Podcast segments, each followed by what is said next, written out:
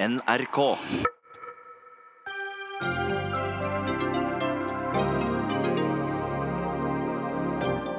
Donald Trump ankom London med brask og bram og med fornærmelser rettet mot både statsminister Theresa May og borgermester Sadiq Khan. Men vi må ikke ta alle uttalelsene hans på alvor, advarer Storbritannia-ekspert.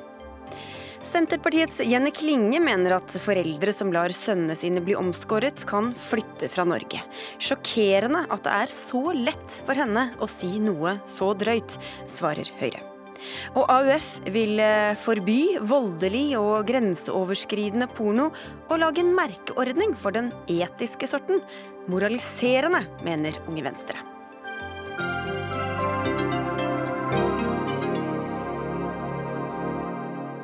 Det er noen av sakene i denne fredagens Dagsnytt 18, hvor vi også skal få en statusrapport for Syria. Jeg heter Sigrid Solund.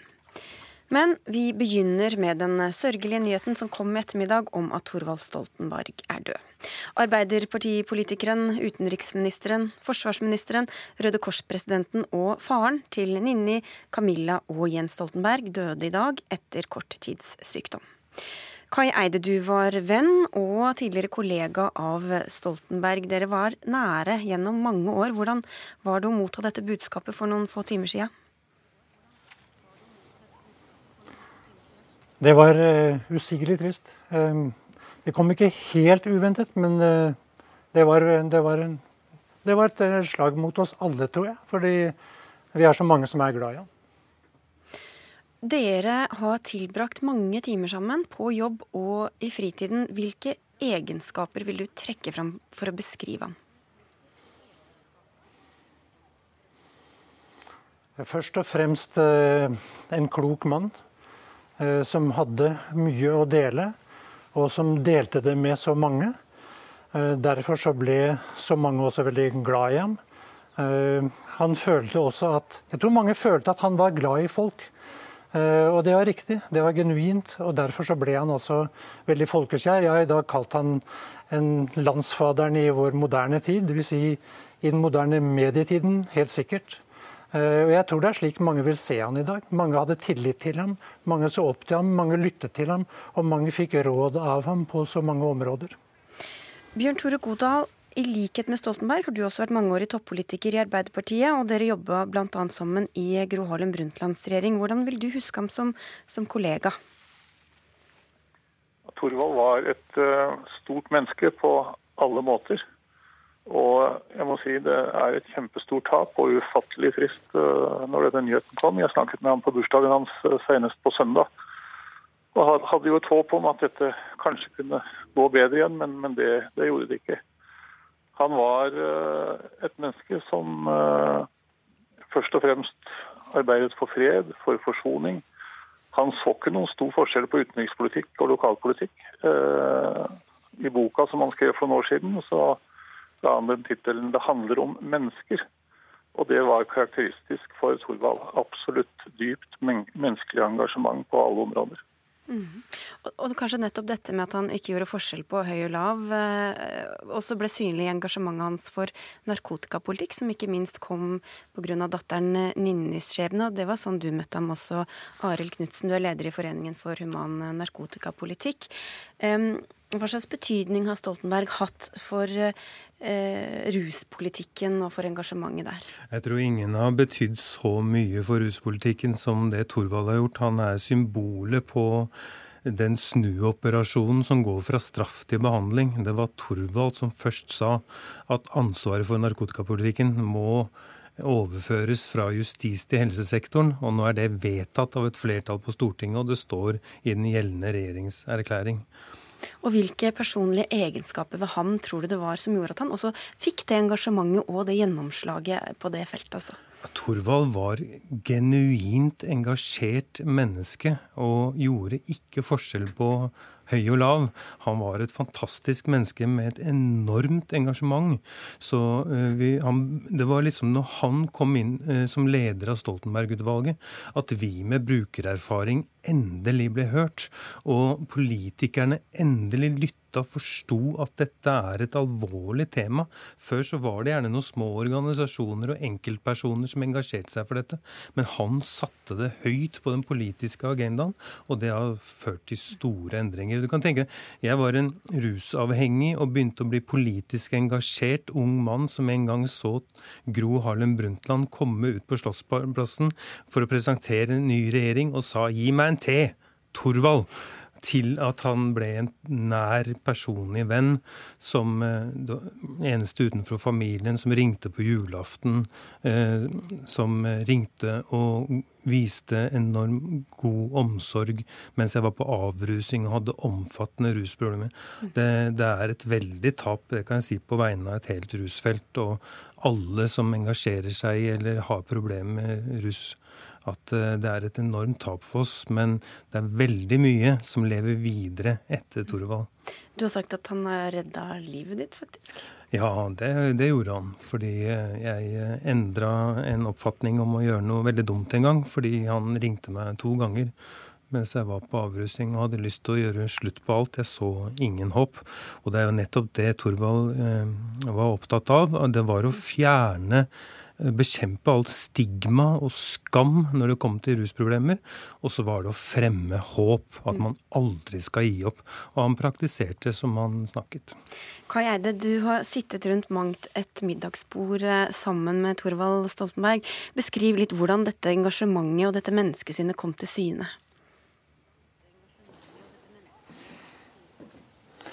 Jeg har lyst til å følge opp noe som ble sagt uh, nettopp nå. For Thorvald så fantes det ikke noe utenforskap. Alle var innenfor i hans verden. Og det er ganske unikt. Jeg tror du skal lete lenge etter å finne noen som har den type egenskaper. Og det var jo det vi alle følte. Eh, enten det måtte være i forhandlinger, i diskusjoner, på reiser osv. Mennesker han møtte, tilhørte hans sfære, alle sammen. Eh, det er noe jeg skulle ønske var en egenskap flere ville dele i samfunnet. Ikke minst i politikken. Jeg tror han var ganske unik akkurat på dette feltet. Som jeg sier, hvis jeg får lov, eh, En ting som jeg tror blir stående der, som er veldig viktig for vår nasjon, det er Barentssamarbeidet. Som betyr mye for vårt folk og for vårt land. Og det betød jo også Det var jo grunnlagt på hans tro på samarbeid og, verdi, og verdien av dialog. Eh, og Det er også noe som vi må ta videre nå når han er gått bort. Hva vil du trekke fram også politisk, Godal, som han har utrettet uh, utover uh, den, uh, det vitnesbyrdet vi fikk fra, fra, rusfeltet? Jeg tror det viktigste er altså dyp respekt for enkeltmennesket. Dyp respekt for at også fiender, motsetninger, kan man gjøre noe med gjennom å bygge bro og engasjere seg for samkvem eh, i områder hvor det er veldig vanskelig. Eh, Kai Eide nevnte Barentssamarbeidet. Ta Oslo-prosessen. Den begynte i Thorvald Stoltenbergs tid. Eh, synet på at det er mulig å bygge bro mellom palestinere og, og israelere. Det samme på Balkan.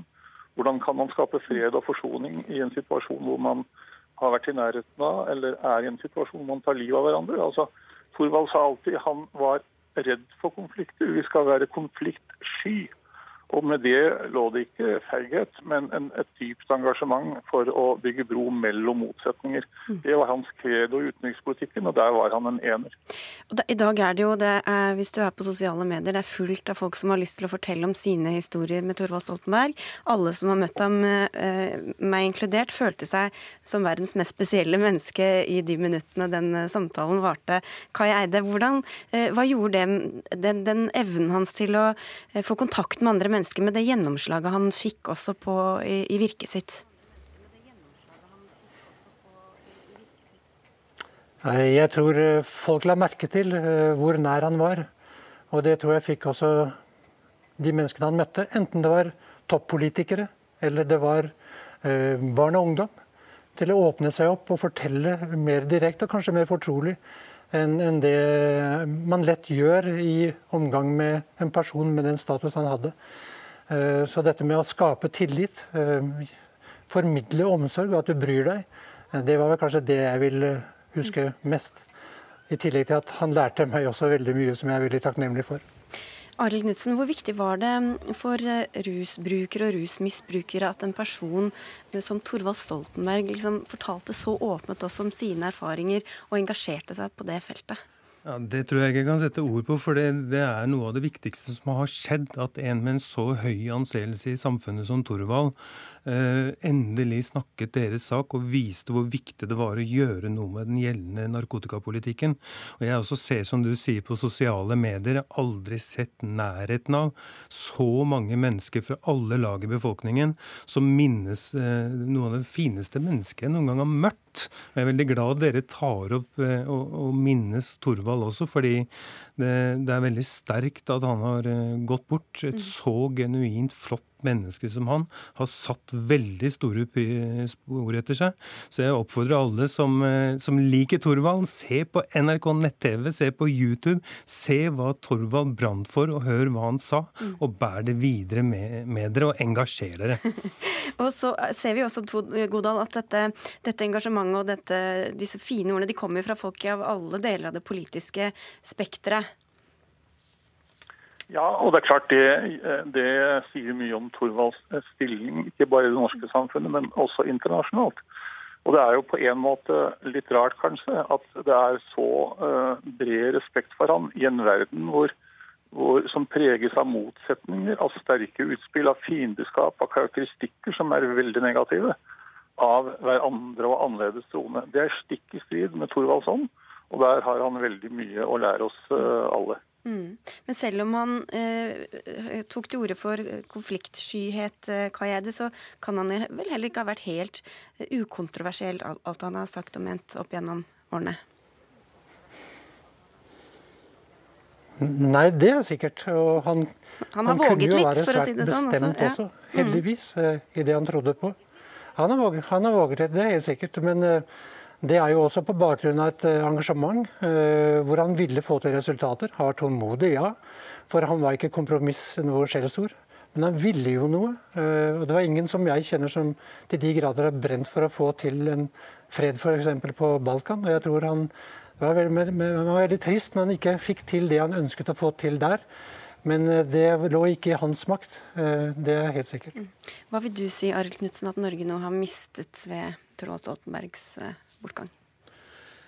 En mann som vi alle kommer til å huske fordi han utrettet så mye uten å være pretensiøs. Det var ikke om å gjøre å være noen, det var om å gjøre å få til noe.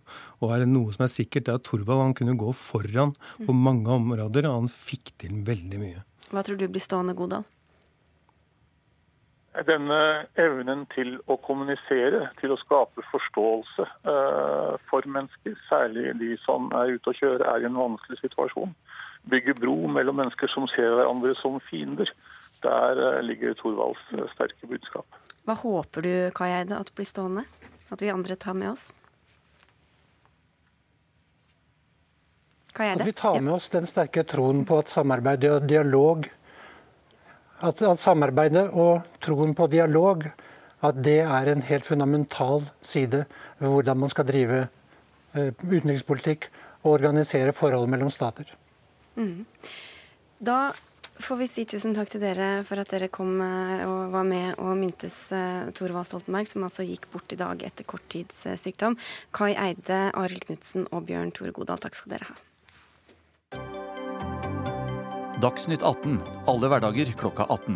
På NRK P2 og NRK2.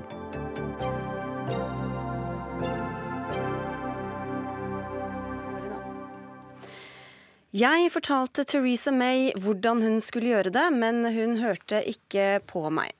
Det sa USAs statsminister eh, Donald Trump i et intervju med tabloidavisa The Sun, som ble publisert tidligere i dag.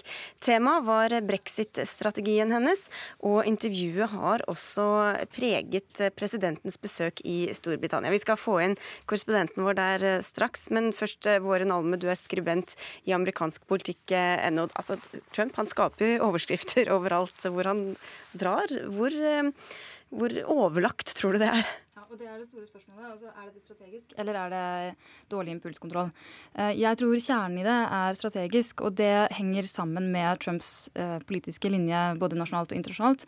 Og det handler om dette med bilateralisme, om fokus på økonomi, og da i utenrikspolitikken særlig handel. Um, og den kjensgjerning at han, han, ser på også da sikkerhetspolitikken gjerne underlagt disse strikte økonomiske eh, formene, som gjør at det f.eks. ikke er en veldig stor forskjell for ham på EU og mm. Nato. Um, og vi så jo i dag at han, han sa på pressekonferansen sammen med Theresa May at uh, det er en større hjelp for Europa enn for USA. Eh, Nato. Og Det står jo da i diametral motsetning til det som har vært rasjonale for USA i Nato, nemlig at det er i USAs interesse vel så mye som i Europas å være med i Nato. Mm. Øyvind Rønning Nyborg, du er korrespondent eh, i London. Nå er Trump hos eh, dronningen, tror jeg. Hva har skjedd tidligere i, i dag i, i London? Ja, Det er jo en hel rekke ting som har skjedd. Det startet jo med at Trump og Theresa May var og så på en felles militærøvelse for britiske og amerikanske soldater.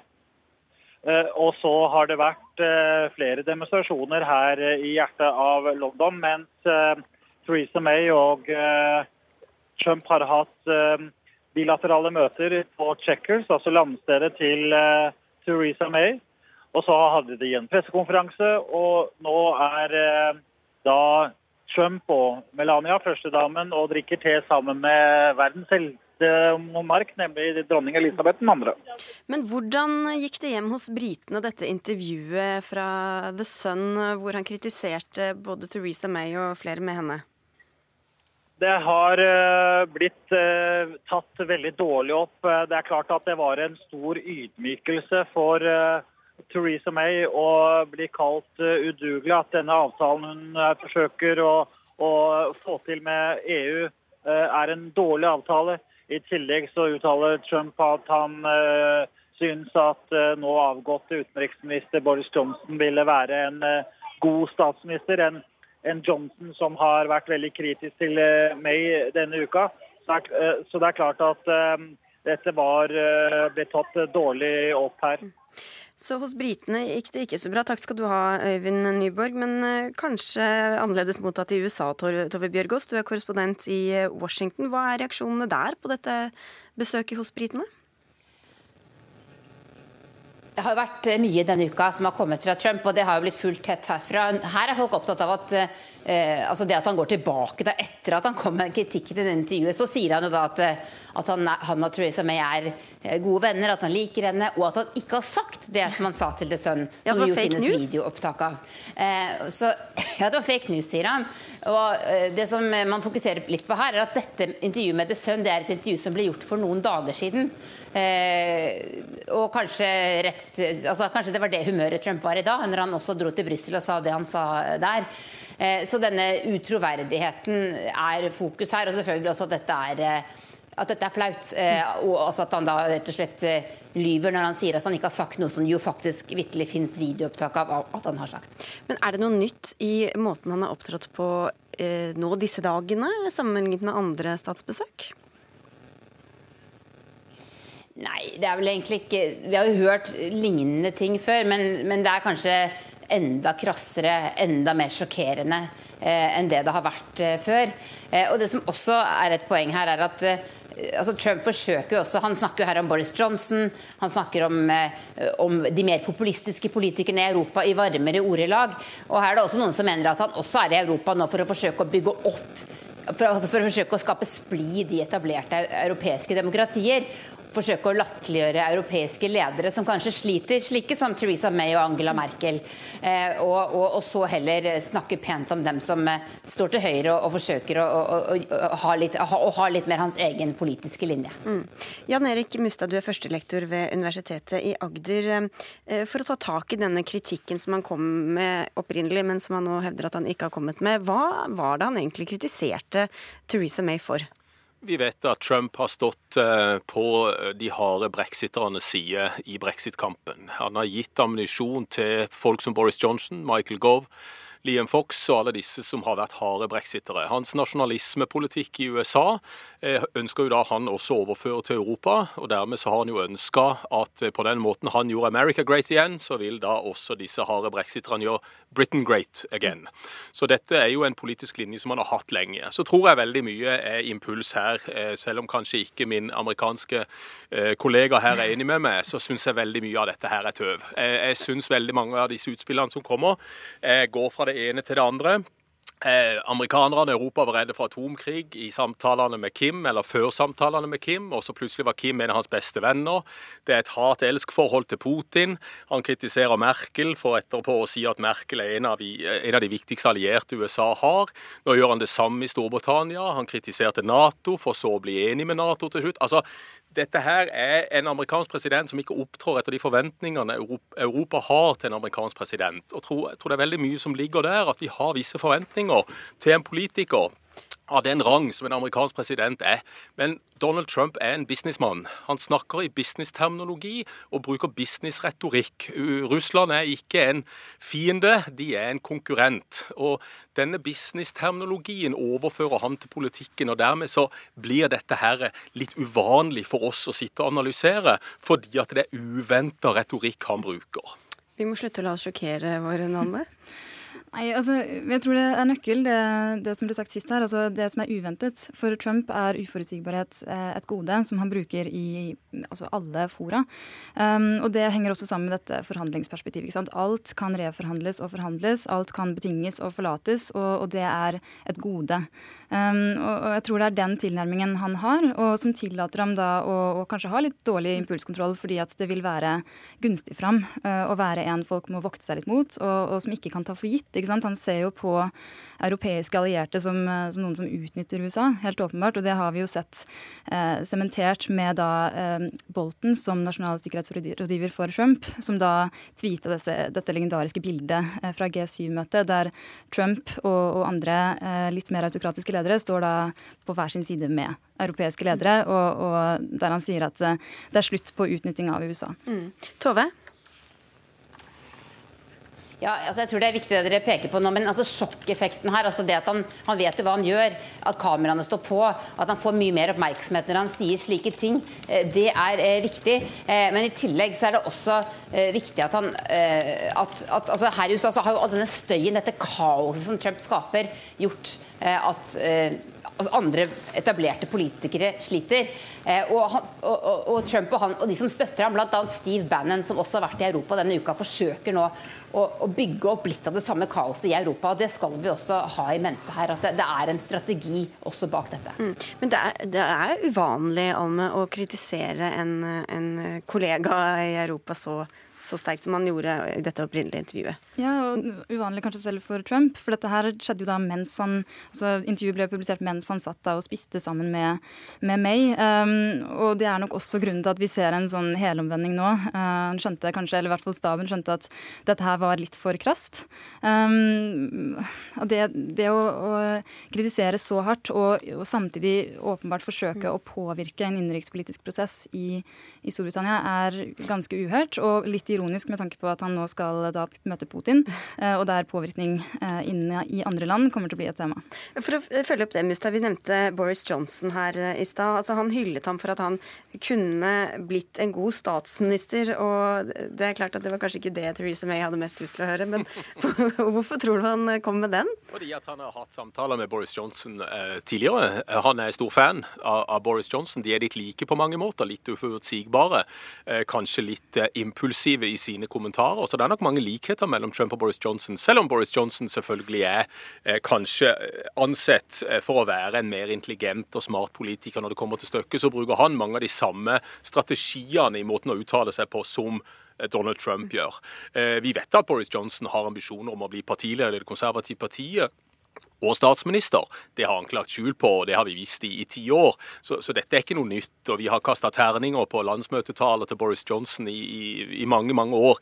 Så, så, det er klart at han, han, har ambisjoner, og det har han heller ikke stukket under en stol. Han har vært åpen på at han ønsker en dag å være den øverste politiske lederen i Storbritannia. Men for å ta tak i også noe av det som ligger under her, eh, nemlig handelsavtaler. og Da er jo mm. en av ambisjonene til meg å få til en stor bilateral handelsavtale med USA, samtidig som de nå driver og forhandler om hvordan samarbeidet skal være med EU.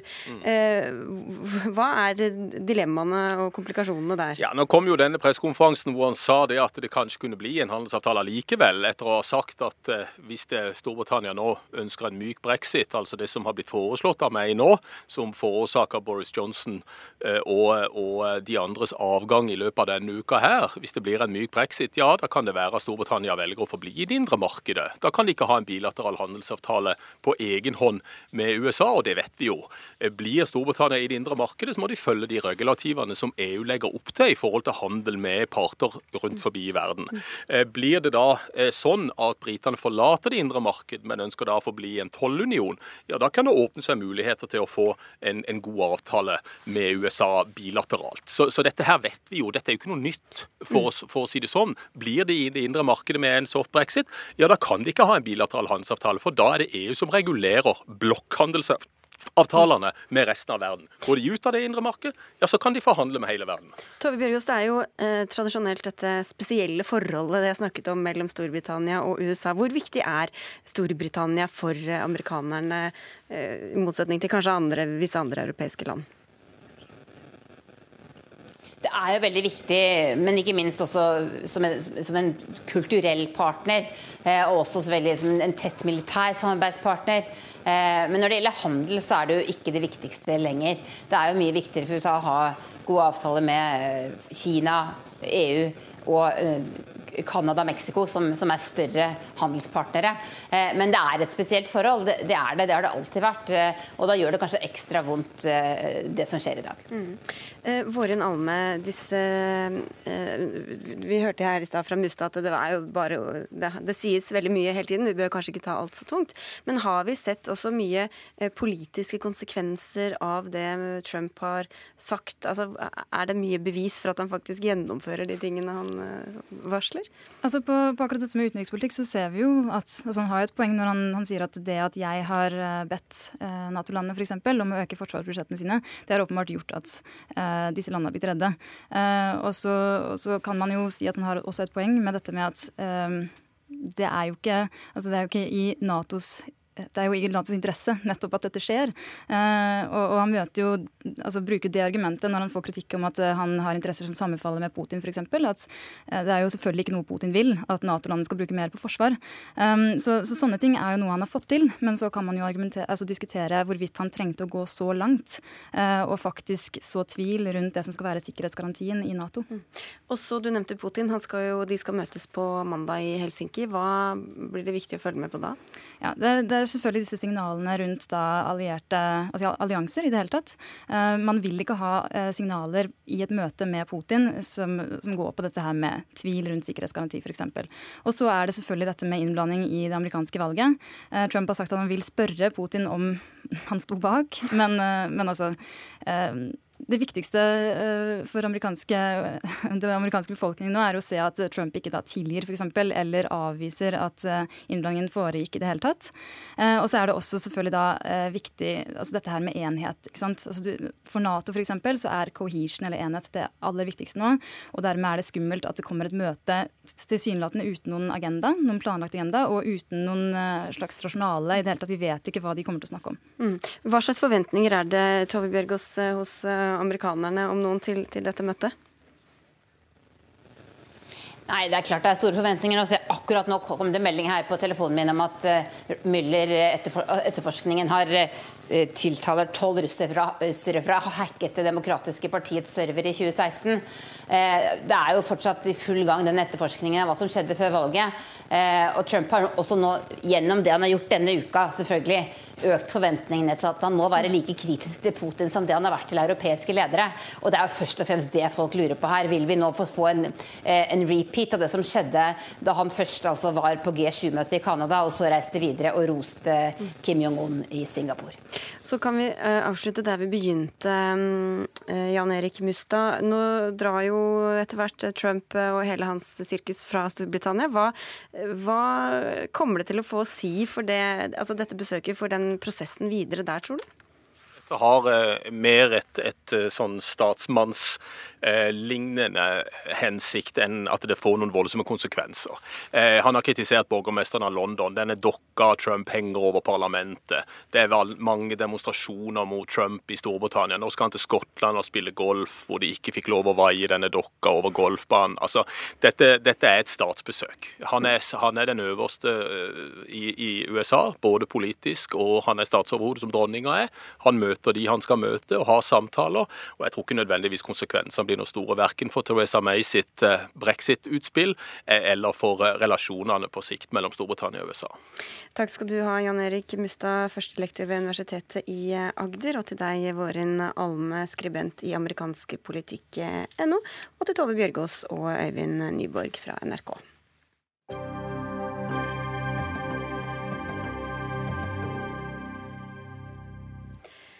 Hvis det er viktigere å skjære av en del av kjønnsorganet framfor å bo i Norge, så kan vi ikke gjøre annet enn å la dem flytte. Denne kraftsalven kom fra stortingsrepresentant for Senterpartiet Jenny Klinge i et intervju i Stavanger Aftenblad i går. Uttalelsen falt i anledning en sak om rituell omskjæring som Klinge er motstander av. Og i dag er det flere som reagerer på disse uttalelsene, bl.a. gjør du det, Alexander Stokkebø. Du er stortingsrepresentant for Høyre. Hva var det som gjorde deg så sjokkert? For det første må jeg si at Omskjæring av gutter er et uh, vanskelig spørsmål med ulike legitime prinsipper og avveininger som må tas. Uh, og Man kan godt diskutere det, men da må man ta det på et anstendig nivå. Og Det jeg reagerer på, det er at Senterpartiet og Klinge her tar så lett på å si at jødene, en hel religiøs gruppe, bare skal forlate landet fordi de er uenige. Å snakke sånn det er både historieløst, og jeg mener det er mangel på respekt for en gruppe som gjennom århundre har blitt eh, fordrevet fra mange land. Og selv om det ikke klinger sin intensjon, så er det slik det framstår. Som et skudd for baugen for det mangfoldige samfunnet og landet vi er så stolte av. Og om alle, alle land hadde tenkt det samme, så hadde det ikke vært mange land igjen å bo i. Og Det er greit med debatt, men da må vi ta det på et anstendig nivå. Og det gjør ikke Klinge her. Du nevner jødene, men det vil vel også gjelde muslimer og andre grupper? Som... Det vil kunne gjelde muslimer, men også amerikanere. Mm. Og det er mange her i landet som er omskjært. Jenny Klinge, stortingsrepresentant for Senterpartiet. Mener du virkelig at det hadde vært så enkelt at eh, jødene og muslimene bare måtte flytte fra Norge hvis, eh, hvis dette faktisk ble forbudt?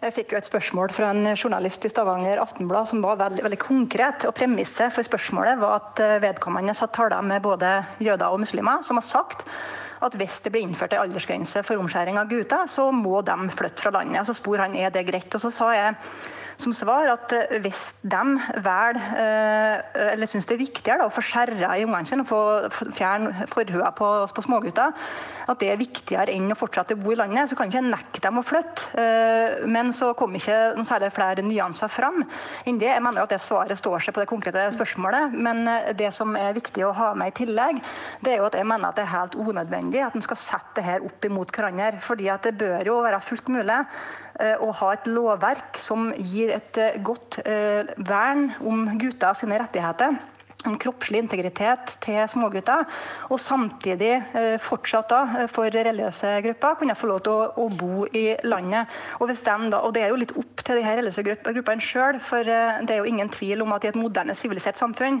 så er det ikke rett og fornuftig å tillate omskjæring av smågutter. Og Da er du jo inne på sakens kjerne, men vi skal dvele litt mer ved dette utgangspunktet vårt. Altså, Stokkebø, Det er jo egentlig bare en logisk konsekvens, det hun sier at dersom det er et forbud mot omskjæring før 18 års alder, og noen velger å eh, si at det kan vi ikke imøtekomme, da må de jo enten forholde seg til loven og flytte, eller så må de la være å omskjære. Ja, jeg tenker Her er det jo òg snakk om eh, et lovforbud som Klinge foreslår, som òg vil kunne være i, i, strid med menneskerettighetene du har til religionsfrihet. Og jeg mener at Det problematiske med at når hun uttaler seg sånn, er jo at om alle land hadde tenkt det samme, ja, da hadde det ikke vært mange land igjen. Jo, Men hvis og, man vil ha et forbud, så mm. blir jo det konsekvensene det hun sier. Så det er jo bare logisk. Ja, jeg mener at det er problematisk. Og, og det du òg gjør med en sånn uttalelse, er jo at du konstruerer opp et skille mellom dem og oss. Altså jøder er, Vi har fjerdegenerasjons jøder her i landet som har vokst opp her, som har bidratt til samfunnet, stått om morgenen og gjort sin innsats. Og jeg mener at de har en like full rett som oss til å ta del. Ja, Og, skal, og Derfor så mener du ja. det skal være lov å, å omskjære? Der, Derfor mener jeg at sånne uttalelser er fullstendig urimelige. Mm, men hvis man er for et forbud, da, eller for en aldersgrense, mm. er du da enig at den logiske konsekvensen bare blir det Jenny Klinge sier? Det er klart at uh, En kan diskutere om en skal innføre en sånn aldersgrense. Det, det, det, det syns jeg er en grei debatt å ta. Men det er uttalelsen jeg reagerer på her. Men er du enig i at det bare er egentlig en logisk konsekvens? Nei. Nei. Ok, Jenny Klinge, uh, hvorfor skal du bruke sånne signaler eller begreper? Hvilke signal sender du da? Eh, ja, altså, som, som, jeg sa i stad, jeg fikk jo et konkret spørsmål og svarte uh, konkret på det. Uh, og det kunne jeg gjerne vært med flere nyanser. Men det som uansett er tilfellet, det er jo at religionsfrihet ikke bare handler om religionsfrihet til grupper av, av, individ, men det handler i høyeste grad også om den enkeltes religionsfrihet. og hvis en da ser på det, den religiøse markøren som omskjæring av, og som fjerning av forhua er, så er jo ikke det å gi religionsfrihet til den enkelte. Det bør jo være slik at den enkelte kan være sjøl når han er myndig, om han vil fjerne ja, eller ikke. men ber du folk om å flytte, å flytte fra landet hvis ikke de er fornøyd med alle lover og regler? Nei, men det er godt du spør om det. fordi det er jo reelt sett flere alternativ. Eh, det er jo det ene. En kan gjøre, ja, en kan protestere og flytte fra landet hvis en slik lov blir vedtatt. Men det er jo også mulig å tenke seg at en kan endre praksis. Vi vet jo at det finnes en organisasjon som heter Jews Against Circumcision, altså jøder mot uh, omskjæring, som sjøl har begynt å ta i bruk alternative tradisjoner og praksiser i stedet for omskjæring, og ser seg sjøl som fullverdige jøder av den grunn. Og jeg syns det vil være synd hvis det skal være slik at, at grupper da, av eh, religiøse samfunn eh, tar og ekskluderer enkeltindivid fra det å være gode nok deler av det religiøse samfunnet, hvis de ikke har fjerna forhua sin. For det som det koker ned til, det er jo at vi, i hvert fall er, da, eh, og flere av Senterpartiet er viktig for meg å presisere at Senterpartiet har ikke noe programvedtak om at vi er verken for eller mot omskjæring, men vi er fristilt. Men for min del, som justispolitiker i det partiet, så er jeg veldig opptatt av at det skal være reell likestilling mellom kjønnene. At jenter og gutter skal ha samme eh, lovvern. Eh, og I dag har vi en lov som eh, hindrer at noen kan skjære eller prikke kjønnsorganet til, til, jenter, med nål for den del, mens gutter ikke har det samme lovvernet. Og For meg så er det merkelig, og jeg syns det er på sin plass i 2018 å innføre det samme lovvernet. Stokkebø. Ja, jeg mener jo at uh, Vi kan lytte til f.eks. Det mosaiske trossamfunnet, som er tydelige på at hvis du innfører et forbud mot rituell omskjæring, så vil det ikke lenger være mulig å praktisere jødedommen i Norge. Og jeg vil ikke ha et Norge eh, som ikke er såpass inkluderende at vi har rom for et mangfold av ulike typer religioner. Og jeg mener at eh, selv om vi skal, jeg ser eh, argumenter både for og mot her, så må vi kunne være såpass mangfoldige som land at vi, at vi tillater ulike religioner, og ikke ber de sendes på dør fordi de har en annen religiøs praksis enn ja, men, det, men, dette, men, dette, gjelder jo da minoriteter, enten det er jøder eller muslimer. Og det er grupper som har uh, grunn til kanskje også å føle seg, se seg over skulderen, for å si det sånn. Så da er jo spørsmålet hva slags hensyn du tar til disse menneskene når du bruker sånne ord og begreper, Klinge. Altså, hensynet mitt går jo til de her ungene. og det Vi vet er at uh, omskjæring i spedbarnsalder og småbarnsalder kan føre til infeksjoner, det kan føre til skader og i verste fall amputasjoner og dødsfall. Det har vi også sett i Norge, men i USA så estimerer de ca. 100 dødsfall knyttet til komplikasjoner etter omskjæring av gutter hvert år. Sånn at uh, For meg da, så er det øverste hensynet går jo nettopp overfor uh, ungene. Og så kan de jo si det at det virker hardt og brutalt for meg å si at ja, hvis noen da setter denne praksisen høyere enn det å bo bo i landet, så må vi la dem få flytte. Men hva ville vært alternativet? Jeg kunne ikke si at nei, vi kan ikke la dem flytte. Eh, det som er, er poenget her, det er jo at det må gå an å finne fram til nye praksiser som ikke innebærer å skjære bort deler av kjønnsorganene til gutter, med de komplikasjonene som det kan innebære. Her... Det er jo også et press da, som går inn i veien, som sier at ja, her kommer vi til å flytte hvis de innfører en aldersgrense på 18 år. Så er jo det jo reelt sett et forsøk på press hos politikere til å ikke innføre en lov for å verne de her guttene. Det er viktig å ha med seg den delen av det også. Samtidig så sier da din egen parlamentariske leder Marit Arnstad at for det første at du ikke representerer Senterpartiet i saken, det har vi for så vidt vært innom, men også oppfordrer til at de som tar denne debatten skal være sitat, forsiktige med sin retorikk. Sitat slutt. Føler du deg truffet av dette? Nei, ikke i hele tatt. fordi at eh, jeg svarer på et konkret spørsmål med de premissene som var lagt i spørsmålet. Eh, og For min del så er det jo fint å få anledning til å nyansere det i denne debatten. her. Eh, men det som det koker ned til, det er jo spørsmålet om vi i 2018 skal ha et lovverk som beskytter gutter på samme måte som det beskytter jenter. Ja, da lar den gå til deg, Stokkebø. Ja, så Det du nå sier, Klinge, det er at du trekker tilbake det du nå har sagt. Det var vel ikke det nei, du sa? Nei, ikke på noen måte. Eh, nei, du, altså, det, det, går an. Du som en erfaren politiker kan tenke deg om to ganger før du uttaler deg eh, med et så, såpass tabloid eh, utsagn til Aftenbladet, som nå står i flere aviser i hele landet. Det er med fare for å sånn... høres ut som Trump, så kan jeg understreke at jeg er fullt i stand til å tenke meg om ganske mange ganger. Ja, men det, det, som det er, er svart på, det, det, var jo et konkret spørsmål med konkrete premiss. Og hvis ikke hvis... representanten fra Høyre har evne til å forstå at når jeg spør, blir spurt et spørsmål, at jeg svarer konkret på det spørsmålet, så, så er jo det et problem for, for han. Det som er viktig å, å, få med seg her, det var jo eh, nettopp at eh, det journalisten ja. la vekt på overfor meg, det, var at eh, de, de man taler med sjøl Men da må Stokkebø få svare. Ja, Stokkebø. Hvis, uh, hvis, dette ikke er et utsagn du lenger står inne for Hun har ikke sagt det. Hun sa bare at hun fikk spørsmål om Ja, eh, hun fikk et spørsmål ja. som, hun, som, hun, står Men inne for fremdeles. Hvorfor er akkurat de begrepene så mye viktigere enn en hensynet til disse små guttebarna, f.eks.? Her sier hun at uh, en hel gruppe, en hel religio, religiøs gruppe i landet, bare skal flytte ut. Nei, det sa jeg ikke. Det, jo, hvis, hvis, de, hvis de er uenig i det du påstår. Hvis de velger det ja. ene foran ja, det andre, så må de flytte det. Hvis de ønsker å kunne utøve sin religion i Norge, så får de heller flytte fordi dette forbudet skal innføres. Så det mener helt, er helt, helt kort til slutt, Klinge, for nå skal vi avslutte. Ja, mm. bare helt kort. Det er jo religiøse grupper som har som en viktig del av sin praksis å omskjære jenter. Det er samme som slår ungene sine som en del av barneoppdragelsen. Og det er forskjellige typer praksiser som ikke er godtatt i Norge, som er en del av folks religion og kultur. Der forsvant hun. Så da... det gir hensynet til religionsfrihet for gruppa går framfor religionsfriheten okay. og kroppslige integriteten til den enkelte. Ja, greit. Og Vi vet at det har vært en langvarig praksis uh, i jødedommen gjennom og muslimer og blant amerikanere i mange mange år. Spørsmålet er skal det skje gjennom trygge og ordna forhold, slik som nå, eller skal vi presse de uh, under uh, radaren, slik som Ok. Men det skjer jeg jeg, jeg nå fikk vi, det, det, ble to debatter på en gang. Vi må si tusen takk til begge debattene, egentlig. Og til begge debattantene. Jenny Klinge fra Senterpartiet og til deg, Alexander Stokkebø fra Høyre.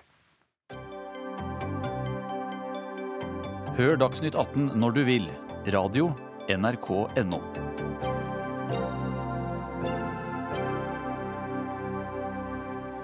Mens eh, verdens øyne i stor grad har vært rettet mot alt som Donald Trump har sagt og gjort de siste par dagene, har syriske regjeringsstyrker tatt kontroll over Dara sør i Syria.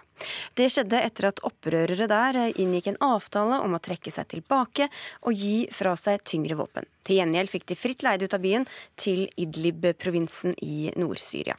Midtøsten-korrespondent Kristin Solberg, hvordan klarte regjeringsstyrkene å få kontroll over byen? Ja, Til sist så fikk de kontroll over den gjennom denne forhandlede avtalen som ble forhandlet gjennom Russland, og som innebærer da at opprørerne eh, overgir våpnene i bytte mot eh, enten amnestid eller, eller fritt leide til, til opprørskontrollerte Idlib-provinsen. Og Det er en avtale som, som ligner eh, andre avtaler som er blitt inngått gjennom, mellom opprørsgrupper og, og myndigheter i andre eh, deler av, av landet. Dette er avtaler som, som syriske myndigheter ser på som eh, ledd i å gjenerobre landet, del for del, men, men så mange opprørere blir, eh, ser på som, som tvungne overgivelser. For de kommer jo da sjelden uten at det er betydelig militær makt. Denne gangen så var det da en tre uker lang offensiv eh, mot Dara eh, mm. av syriske myndigheter og Russland.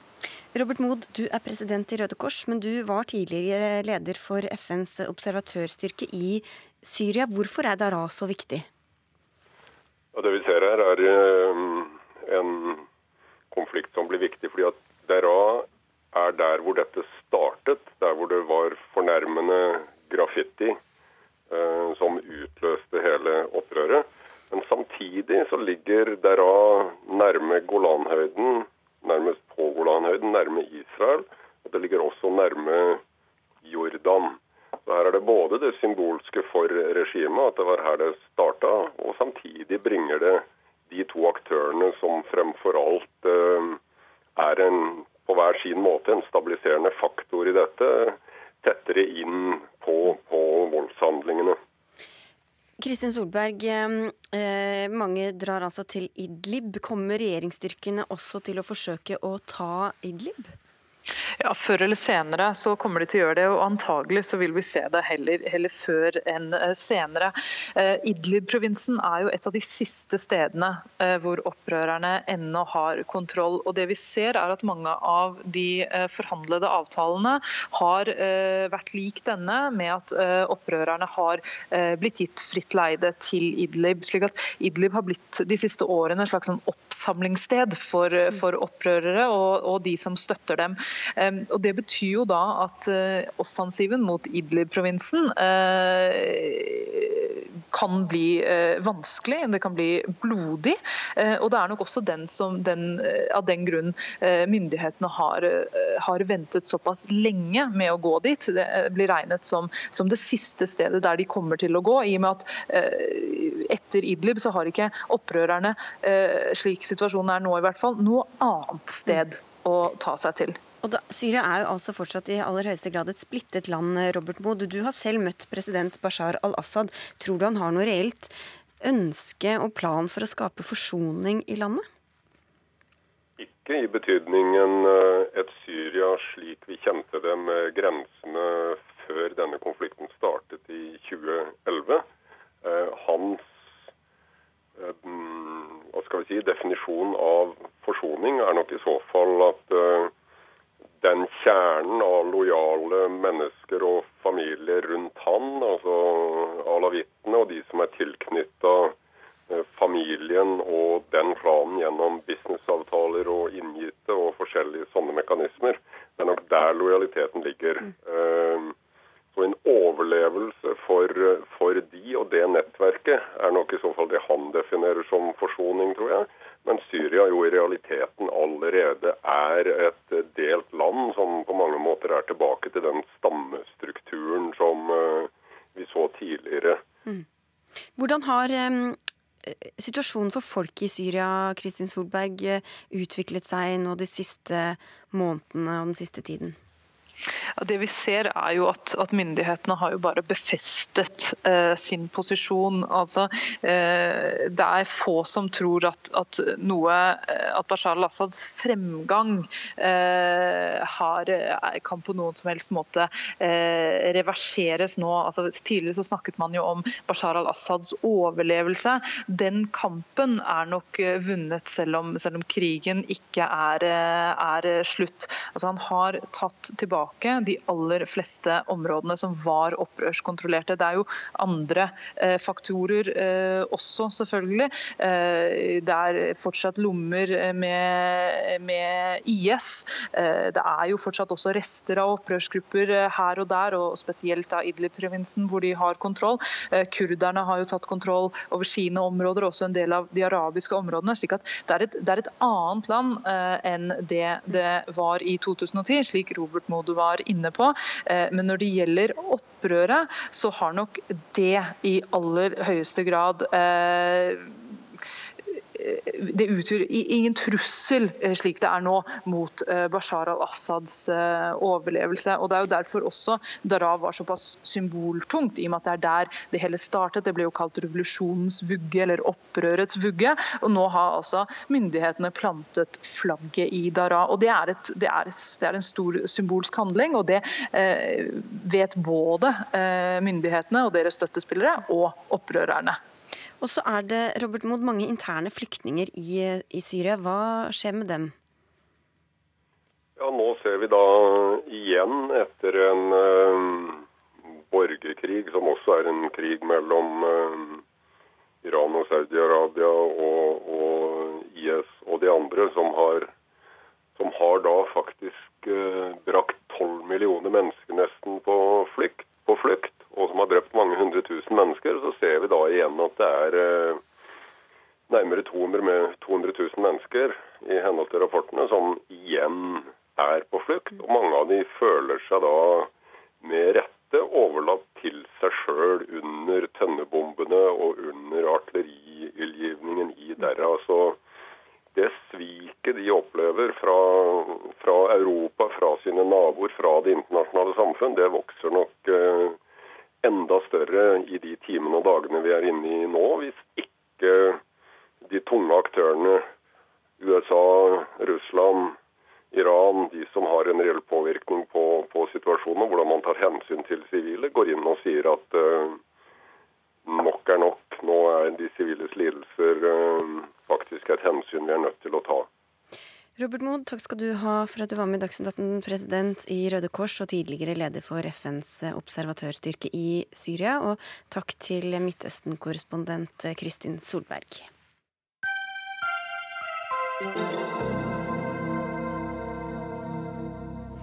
Det begynner å bli lenge siden porno var noe du bare fant på øverste hylle i bladkiosken eller i det mørkeste hjørnet i videobutikken.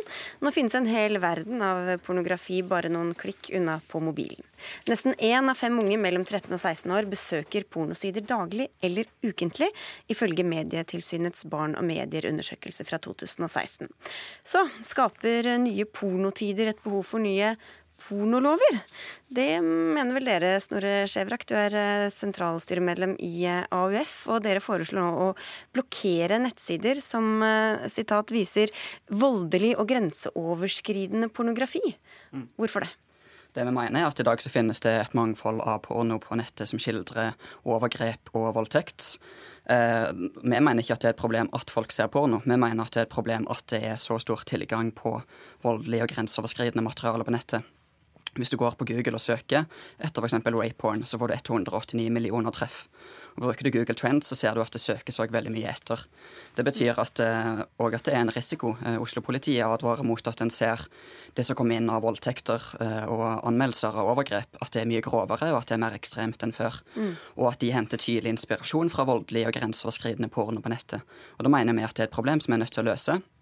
Ikke gjennom å forby porno, men gjennom å regulere det bedre. Ja, og Hvordan skal man da regulere sånn at dette ikke er så lett tilgjengelig som det er i dag? Vi ønsker ikke et forbud, men heller å gjennomføre det ved å uh, sile ut gjennom f.eks. å blokkere nettsider som distribuerer uh, skildringer av overgrep og voldtekt. Og vi ønsker å gjøre det nettopp for å unngå å måtte forby pornonettsider, sånn som støttepartiet til Venstre, KrF, ønsker å gjøre. Eh, så vi mener at dette forslaget er i tråd med det som store deler av pornoindustrien sjøl ønsker, og at det er et konstruktivt og positivt måte å regulere bransjen bedre. Vi kan jo la KrF være KrF, men eh, gå til deg, Sondre Hansmark. Du er leder i Unge Venstre. Dere jubler ikke over dette forslaget. Hvorfor ikke det? Jeg skal jo gi AUF rett i at det finnes en del problematisk pornografi der ute. og Det, det er et stort problem at uh, unge og barn møter på porno i, i, tidlig alder uten at de har hatt en god seksualundervisning, og at de lærer, altså, de lærer, om sex, de lærer om kropp og grenser via pornografi, som kanskje ikke er helt bra for dem. Og det, Den problemstillingen den deler vi. Men jeg, jeg mener det at dette viser jo hvor utrolig lav terskel for AUF sin del er når det kommer til å blokkere nettsider. Nå har de først gått etter gamblingselskapene, deretter Pirate Bay, og nå skal de blokkere nettsider som inneholder det de kaller grenseoverskridende porno. Og det store spørsmålet som AUF ikke klarer å svare på, er hva er det som er grenseoverskridende porno, og ikke minst hvem er det som skal definere hva som er grenseoverskridende porno. For det kan godt tenkes at altså, Grensene for hva, som er, for hva som er grenseoverskridende i et samfunn, flytter seg til enhver tid. På et eller annet tidspunkt så har homofili vært ansett som grenseoverskridende. Det er også seksuelle preferanser som BDSM og fetisjisme. Og jeg ønsker, jeg ønsker ikke at politikere eller byråkrater skal sitte og definere hva som er god seksualitet på vegne av resten av samfunnet. Men nå, nå nevnte han jo voldtekt. Kan du eh, sammenligne eller sidestille homofili med voldtekt? Voldtekt på Nei, det kan man ikke i det hele tatt. Men da er jo AUF sitt forslag i å sparke inn åpne dører. fordi at voldtekt er jo allerede forbudt i dag, og det bør det også være. Og det er heller ikke lov å lage grafiske framstillinger av Men at det ikke er lov, betyr ikke at de sidene er blokkert? Nei, men, men, det vil jo falle inn under norsk lovgivning å se på den type, type pornografi. Men det de snakker om, er jo, er jo forby eh, pornografi som kan virke voldelig, og som kan etterligne en del ting vi ikke liker. Mm. Og Det kan godt tenkes at f.eks. BDSM og fetisjisme kan falle innenfor det AUF ønsker å blokkere. Og det er tross alt en legitim seksuell preferanse som mange i samfunnet har. Altså at det ikke er en reell voldtekt, men at det f.eks. er en fantasi, da. Mm. Uh, altså Tampen brenner jo her, fordi BDSM er jo nettopp frivillig og gjensidig, så det er jo per definisjon ikke en voldtekt. og Det er jo hele poenget her. Vi ønsker å regulere tilgangen på det som er grenseover i å skildre voldtekter. Så er det riktig eh, observert at eh, det å legge ut en film av en voldtekt er i dag ulovlig. Så kan du stille spørsmål om hvor godt det håndteres. Men det er ikke ulovlig med materiale som skildrer voldtekt eller overgrep. Og for publikum, de vet jo ikke forskjellen. Nei. Så Det er derfor vi ønsker å regulere det bedre. Ikke for å forby porno, men for å gjøre markedet bedre. Og Vi støtter jo alle frivillige initiativ. Og jeg klarer ikke helt å forstå at dette skal være så vanskelig som Unge Venstre gir uttrykk for. Den, det som vi foreslår, det er jo allerede nedfelt i policyen til f.eks. Pornhub, som er verdens største pornoside. De har allerede gjort det som vi foreslår å gjennomføre. Men bare for å ta tak i det prinsipielle, hvem som skal få definere hva som er grenseoverskridende. fordi det er vel kanskje noe av, av det vesenet til porno, at det handler mer om liksom flytende grenser, at det er fantasier som som ikke nødvendigvis er det man ønsker å utføre i virkeligheten, eller hva vet jeg. Så hvem skal egentlig få bestemme hva som er de, de riktige grensene, og hvor de skal være? Mm. Det er sånn at Når du skal sette grenser, så må jo grensen gå et sted, og det vil alltid være nyanser. Men det er sånn at vi har klart å etablere de uh, nyansene vi har allerede. Uh, det er jo sånn for at uh, vi har ytringsfrihet, men vi begrenser f.eks. hatytringer og trusler.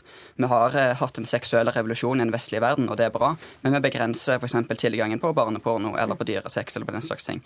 Og Du setter de grensene, det må noen gjøre, men det er ikke egentlig oppgaven her å definere forslaget fra A til Å, på samme måte som at du har ikke utreda hvert eneste kulepunkt i f.eks. regjeringsplattformen eller i partiprogrammet til Venstre. for den del. Nei, og Er det noe politikere gjør absolutt hele tiden, så er det å sette disse vanskelige grensene. Hans Mark.